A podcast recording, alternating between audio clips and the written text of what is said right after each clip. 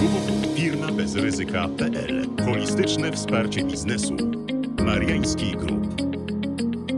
Dzień dobry, nazywam się Bartosz Rodak, jestem adwokatem i menadżerem w Mariański Group i zapraszam Państwa na podcast Firma bez ryzyka. Moim gościem jest pani mecenas Monika Wolska-Bryjska, radca prawny, menadżer w zespole postępowym. Witam Państwa. W dzisiejszym odcinku porozmawiamy o tym, jak nie zapraszać urzędu do firmy. Bieżący rok zakresie podatków to było tornado. Zmiany, zmiany i zmiany. Przepisy zmieniały się zanim weszły w życie, mm, poprawek było multum. Monika, co Twoim zdaniem wprowadził Polski Ład, jeżeli chodzi właśnie o kwestie związane z kontrolami, tym, co się będzie działo w 2022-2023 roku?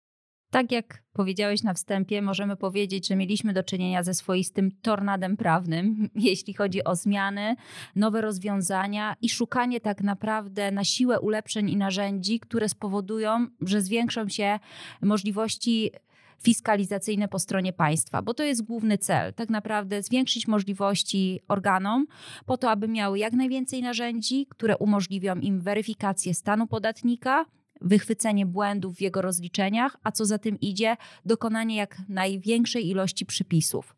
W związku z tym mamy dużo rozwiązań zapożyczonych też z procedur cywilnych, takich chociażby jak tymczasowe zajęcie w egzekucji, a także dużo rozwiązań, które będą umożliwiały szybkie kontrole, z których będą wynikały bardzo szybkie przypisy podatkowe, jak chociażby nabycie kontrolne, które powoduje, że ad hoc możemy szybko kogoś skontrolować, wystawić mu mandat za brak paragonu i mamy już tym samym zrobiony wynik, e, no i zarobek na rzecz Skarbu Państwa. Tak, szczególnie, że mamy też zwiększoną ilość e, cyfryzacji mm, po stronie podatników. Więcej rzeczy musi być już w formie cyfrowej. Będziemy mieli faktury, są zakusy, żeby ZUS też e, całkowicie scyfryzować.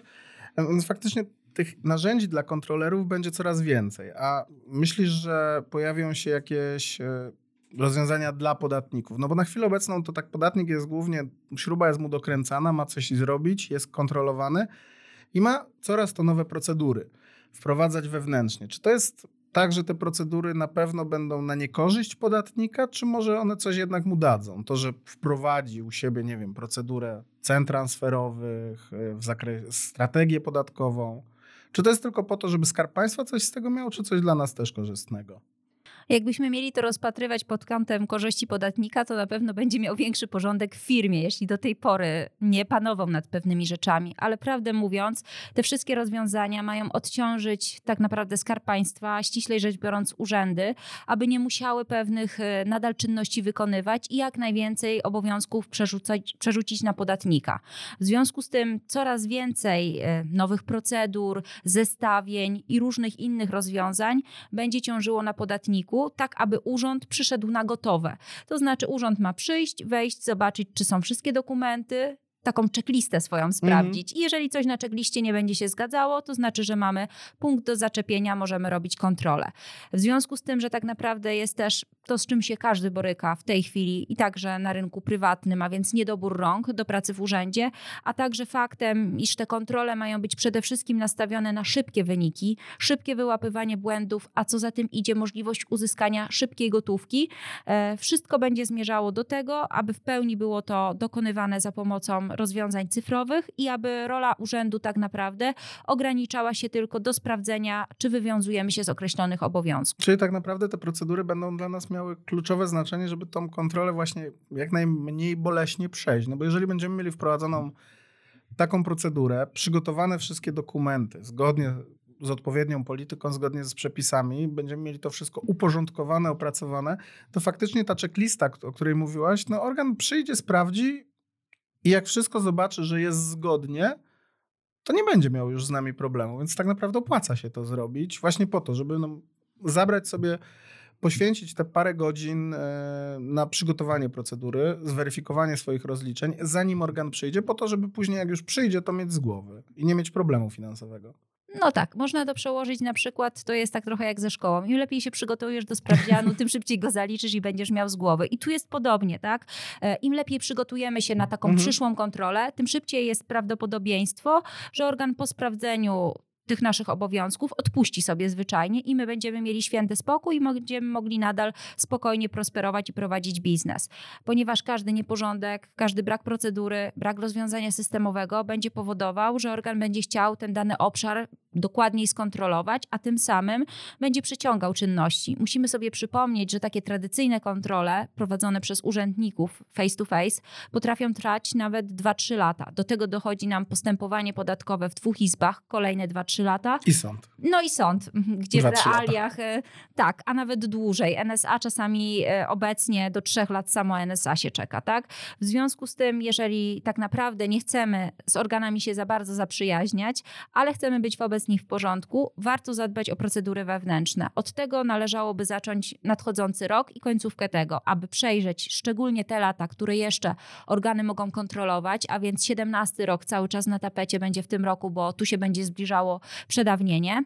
Warto też zwrócić uwagę na 18 rok, ponieważ tam bardzo dużo przepisów podlegało zmianie, w szczególności e, kwestie dotyczące amortyzacji znaków i zasad tej amortyzacji. Nie każdy te przepisy w porę wychwycił i niekoniecznie e, zastosował je w praktyce. W związku z tym tak naprawdę warto zacząć od przejrzenia tych dwóch lat podatkowych e, i weryfikacji ich pod kątem takiego wewnętrznego audytu, który już nam pozwoli wychwycić nasze błędy i przygotować się stosownie, jeżeli organ będzie chciał coś skontrolować.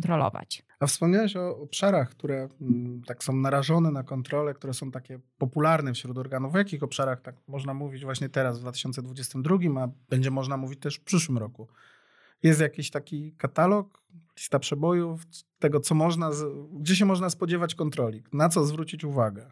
Tak, możemy to tak nazwać, że jest coś takiego jak e, my tu potocznie mówimy lista przebojów, a więc to, co najbardziej zawsze e, organ interesuje. Oczywiście niektóre pozycje na tej liście są pozycjami stałymi, a niektóre się pojawiają w zależności od tego, jak kształtowały się przepisy i jak wchodziły zmiany. Ceny transferowe. To jest od niedawna tak naprawdę jeden e, z e, takich numerów, który się pojawiał i nie znika. Organy bardzo dużo zainwestowały tutaj e, nakładu pracy w to, aby wypracować odpowiednie zespoły, które będą się na tych cenach znały. Są w tej chwili takie specjalistyczne zespoły wypracowane w ramach struktury organów, które się specjalizują tylko i wyłącznie w TP, a trzeba powiedzieć, że organy również zainwestowały bardzo dużo w szkolenie szeregowych pracowników, aby już oni na bazie takiej podstawowej kontroli również potrafili wychwycić e, obszary, które mogą podlegać kontroli bardziej szczegółowej właśnie na bazie TP. Dodatkowo cały czas jeszcze oczywiście restrukturyzacje i klauzule garowskie. To się wiąże z tak zwanymi znanymi optymalizacjami z lat 2015 i potem dalej restrukturyzacjami. E, I tutaj widać ładnie przejście przepisów od momentu 15 roku, kiedy to nie trzeba było mieć tak naprawdę uzasadnienia gospodarczego dla swoich działań. Wystarczyła decyzja podatnika. To jest moja firma, ja tak decyduję, ja chcę. Ja mam prawo wybrać najkorzystniejszą formę opodatkowania dla mnie, nie muszę się z tego tłumaczyć. Poprzez e, kolejne narzędzia, którymi nieustannie ustawodawca nas dociskał, kolejne klauzule i ograniczenia, czyli 16 i dalsze lata, gdzie tak naprawdę musimy już się po kolei uzasadniać gospodarczo co do naszych decyzji. No i dodatkowo są te liczne zmiany, chociażby w kwestii amortyzacyjnej. Podatek u źródła, prawo do odliczenia VAT to zawsze było, jest i, I będzie. będzie. I będzie, bo to jest, są stałe pozycje, gdzie podatnik też dużo w tym zakresie zawsze korzystał i korzysta. Zawsze są wątpliwości przy zakupie nieruchomości co do rozliczenia tego VAT-u i w szczególności w zakresie podatku u źródła, jeśli chodzi o modernizację, remonty, odpowiednie kwalifikacje tego, więc to się zawsze będzie pojawiało. Tak samo prawo do odliczenia VAT-u. Prawo do zastosowania stawki zerowej VAT-u. Tu jeszcze cały czas mamy pokłosie tych karuzeli VAT-owych, które no, gdzieś jeszcze cały czas Mhm. funkcjonują Poza i są. Gdzie już tam, gdzie JPEG jest, no to już tro, ciężej troszkę stosować. Ale tak widzę, że te obszary to tak właśnie obszary, w, tych, w których jednocześnie działają jakieś procedury, jakieś polityki, które można wcielać w życie, które można mieć przygotowane. No bo tak, restrukturyzację GAR trzeba sobie przygotować uzasadnienie ekonomiczne dla transakcji, że nie robimy optymalizacji podatkowej. Podatek u źródła również trzeba sobie przygotować odpowiednią dokumentację, dlaczego na przykład zaniechaliśmy jego poboru, albo Wskazana jest go... też opinia tak naprawdę przy Dokładnie. podatku u źródła. Odliczenie VAT, stawka 0%, no to tutaj mamy należytą staranność. Ceny transferowe, znowu obowiązki dokumentacyjne, przygotowanie Dokładnie. odpowiedniej polityki identyfikującej transakcje i zakres obowiązków. Więc to są te obszary, w których tak naprawdę my najczęściej nie tyle popełniamy błąd na samej transakcji, tylko na, na, na, na tym, że jej nie przygotowaliśmy. że nie przygotowaliśmy odpowiedniej dokumentacji, nie mamy przygotowanej właśnie procedury identyfikacyjnej i organ wchodzi niejako wtedy na gotowe. No, A w jakich branżach Tak. myślisz, będzie to realizowane? No bo jedno to obszary właśnie ceny transferowe, no ale drugie to są zawsze jacyś tacy podejrzani.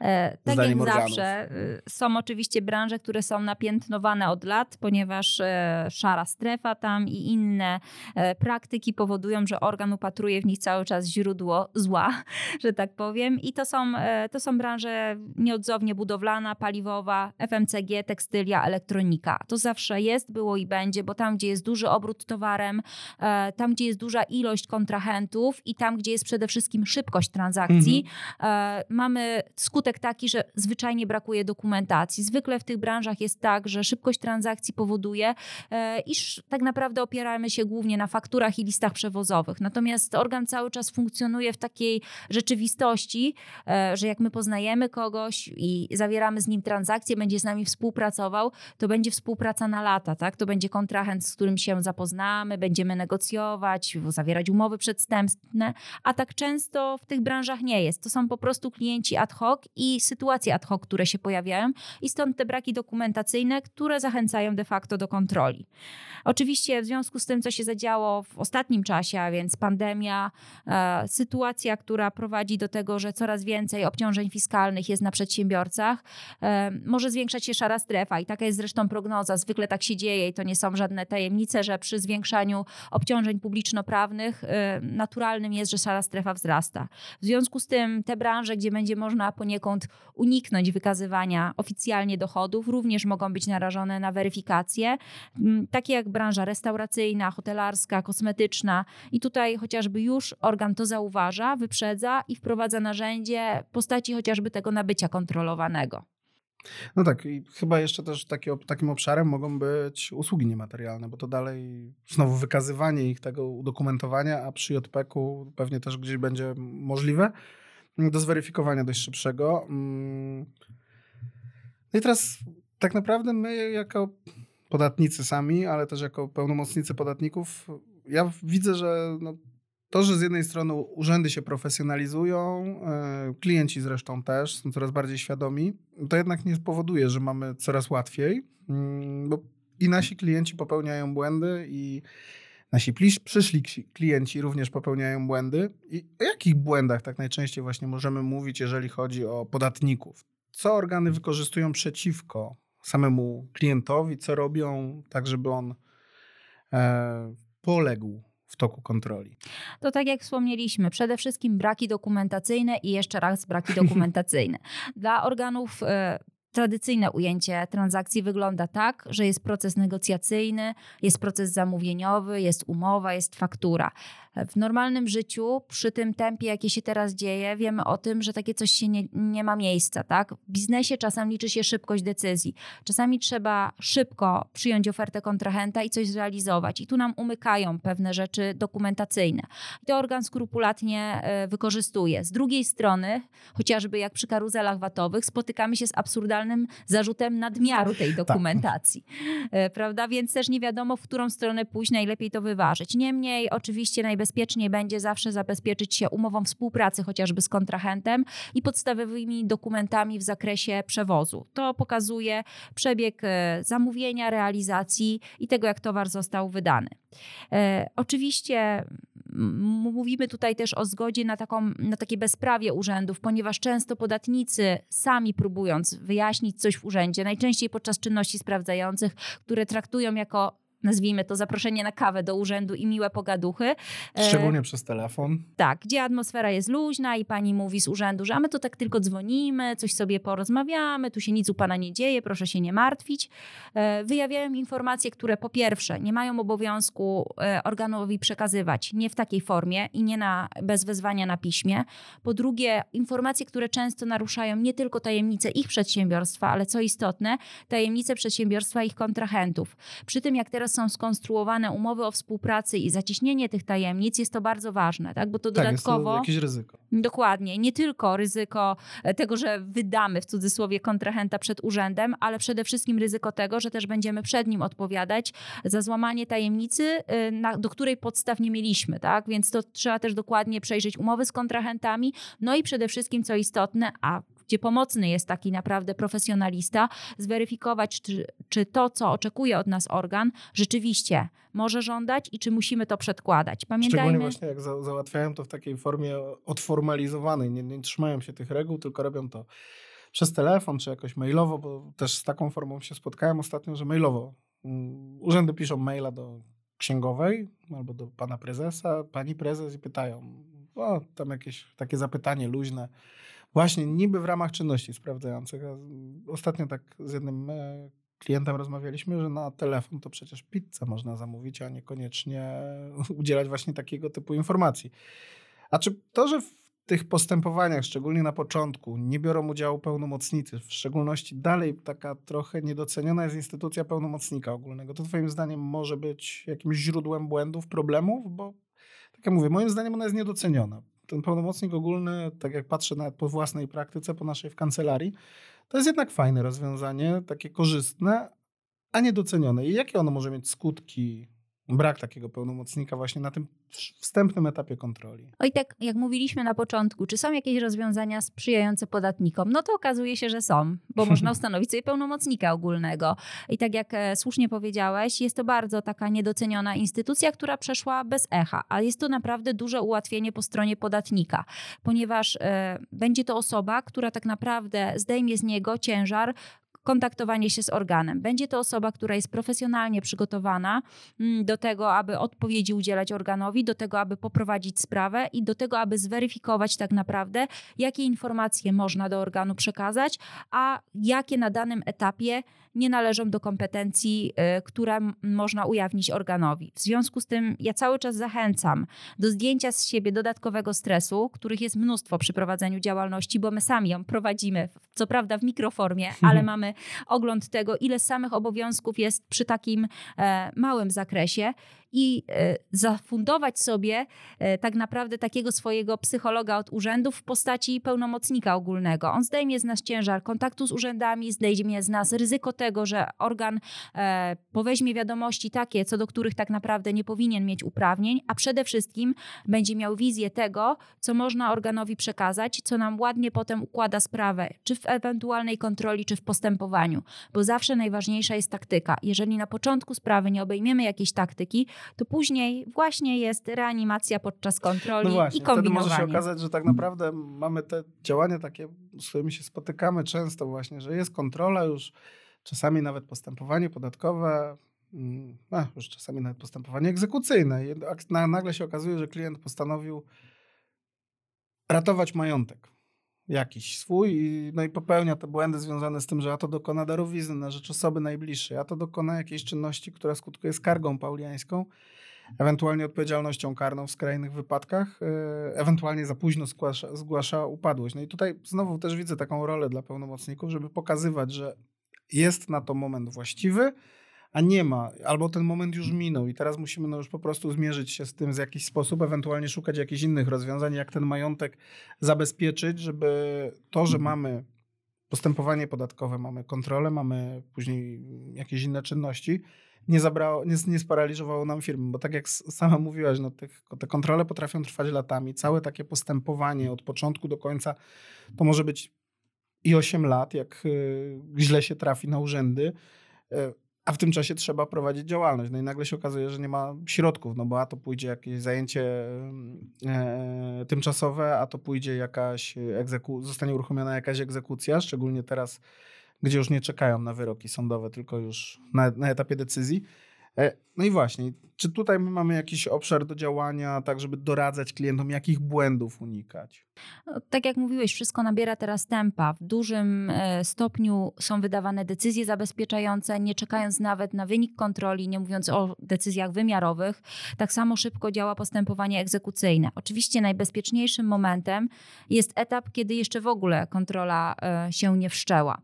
Natomiast już po wszczęciu kontroli przyjmuje się zasadniczo, że do momentu wydania protokołu podatnik może dysponować swobodnie swoim majątkiem. Są nawet poglądy, które mówią, że spokojnie do momentu wydania decyzji wymiarowej, bo wtedy się dopiero tak naprawdę ujawnia wysokość zobowiązania, jak i samo zobowiązanie. Niektóre izby idą jeszcze dalej, my dostajemy pouczenia na etapie organów drugiej instancji od Izby, że to jest ten moment tak naprawdę, kiedy podatnik już nie powinien swoim majątkiem zarządzać. Więc orzecznictwo jest bardzo elastyczne, natomiast zdecydowanie najbezpieczniejszym e, momentem, w którym trzeba zrobić porządek koniecznie e, ze swoją działalnością i e, z majątkiem prywatnym, to jest moment jeszcze przed protokołem kontroli. Podsumowując, tak naprawdę musimy mieć dokumenty na wszystko. Na to, jak weryfikowaliśmy kontrahenta, jak weryfikowaliśmy płatności, dostawy, transport. To wszystko musimy mieć udowodnione, udokumentowane u siebie. Jak weryfikowaliśmy, e, nie wiem, płatności, czy to była biała lista, czy mechanizm płatności podzielony, czy był prawidłowo zastosowany, mamy dbać o swoje rozliczenia, przygotować te procedury, znać, mieć tego pełnomocnika, który nam pomoże w tym wszystkim. Ja bym zawsze dodał to, co często powtarzamy, że nie robić transakcji, które są za darmo, albo za niską cenę, bo one są bardzo podejrzane. To szczególnie w takich. Kiedyś w branży paliwowej było tak, jak paliwo było za tanie, to znaczy, że przyjdzie gdzieś kontrola. I mam wrażenie, że tak jest do tej pory we wszystkich branżach, że jak za tanio kupuję towar, szczególnie taki, którym właśnie szybko można obrócić, to to jest, to jest niebezpieczne. Jeżeli coś jest na gębę bez dokumentów, to znowu jest to niebezpieczne dla nas, bo organ będzie się tego z uporem maniaka czepiał, że nie ma tej umowy. Gdzie jest umowa, gdzie jest jakieś porozumienie? No i nie ufamy organom. Tak? Organy chyba nie są dalej, w dalszym ciągu, pomimo tych wszystkich zmian prawnych, nie są naszymi przyjaciółmi. Nie wiem, zgodzisz się ze mną? No niestety tak. Wyjście takie i założenie, że organ e, ma wychodzić do podatnika, chyba się nie udało. Zacieśnienie też mi się wydaje tych przepisów, takie gardłowe i przerzucenie bardzo dużej ilości obowiązków na podatnika i jednak no, gdzieś ta tkwiąca cały czas mentalność powoduje, że organ zdecydowanie jest nastawiony na wynik, nie na to, żeby pomóc podatnikowi, tylko na wynik. My cały czas jesteśmy jeszcze jednak w takim ujęciu, że organy są profiskalne, e, a nie wyważone, tak? Nie szukają na siłę e, wyniku tam, gdzie go nie ma. Cały czas niestety jesteśmy jeszcze w takiej sytuacji, e, gdzie organ nie jest naszym przyjacielem, ale konkurentem. Właśnie, chyba z tego powodu należałoby się do tych kontroli przygotowywać, mieć takie, taką świadomość, budować sobie w firmie tą e, bazę, tą dokumentową, ten compliance cały. I chyba tym optymistycznym akcentem, zachęcając jednak właśnie do budowania e, świadomości swojej firmy, dbania o swoje interesy, tak naprawdę zakończymy, bo tak smutno byłoby skończyć właśnie tylko konstatacją, że organ jest naszym wrogiem. Moim gościem była pani mecenas Monika Wolska-Bryńska. Dziękuję bardzo. Do usłyszenia. Dziękuję również. Do usłyszenia.